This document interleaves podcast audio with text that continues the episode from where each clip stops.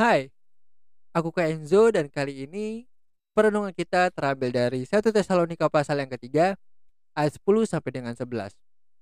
Aku ulangi ya.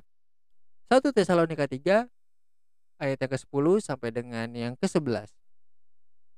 Biarkan Alkitab ini terbuka, mari kita satu di dalam doa. Bapa kami yang kami sembah dalam nama anakmu Yesus Kristus, kami rindu akan membaca firman Tuhan Tuhan. Kiranya kau berkati kami agar kami tidak hanya dapat membaca, tapi kami juga dapat melakukan firman-Mu ini dalam kehidupan kami sehari-hari. Berfirmanlah untuk kami Tuhan, karena kami siap untuk mendengar. Di dalam nama Tuhan Yesus, kami berdoa dan mengucap syukur. Amin. Mari teman-teman, kembali aku ingatkan, pembacaan kita terambil dari 1 Tesalonika pasal yang ketiga ayat 10 sampai dengan 11. Aku akan bacakan untuk kita bersama. Siang malam kami berdoa sungguh-sungguh supaya kita bertemu muka dengan muka dan menambahkan apa yang masih kurang pada imanmu. Kiranya dia, Allah dan Bapa kita dan Yesus, Tuhan kita, membukakan kami jalan kepadamu. Hari ini dalam SBT temanya adalah setia mendoakan. Apa yang Sobat Teruna lakukan saat hati resah karena keinginan belum bisa dipenuhi?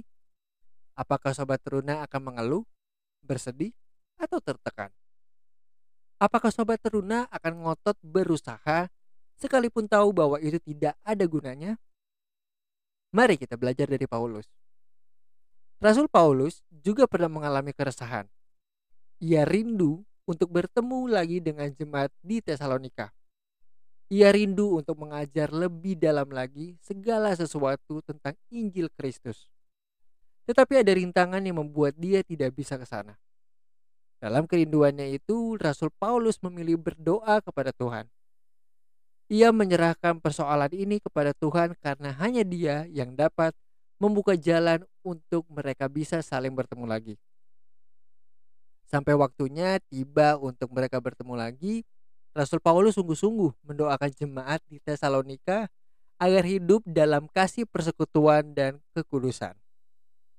Dengan demikian, ia meyakini bahwa mereka akan dipertemukan dan dipersatukan pada saat Kristus datang kedua kalinya. Sobat Teruna, ketidakmampuan untuk mewujudkan apa yang diinginkan memang bisa membuat gusar. Tapi jangan sampai memicu kekhawatiran yang menimbulkan persoalan.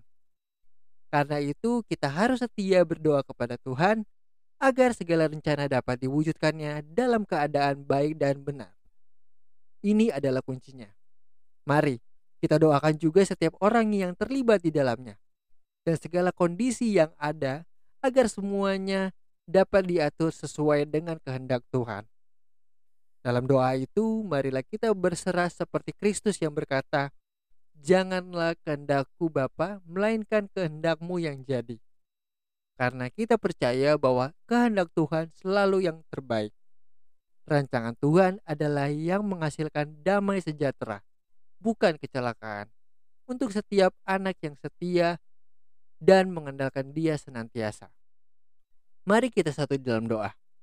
Ya Tuhan, tolong ajarlah aku untuk selalu menyerahkan segala sesuatu dalam doa kepadamu. Dan biarlah bukan kehendakku yang jadi, melainkan kehendakmu. Di dalam nama Tuhan Yesus, kami sudah berdoa dan mengucap syukur. Amin.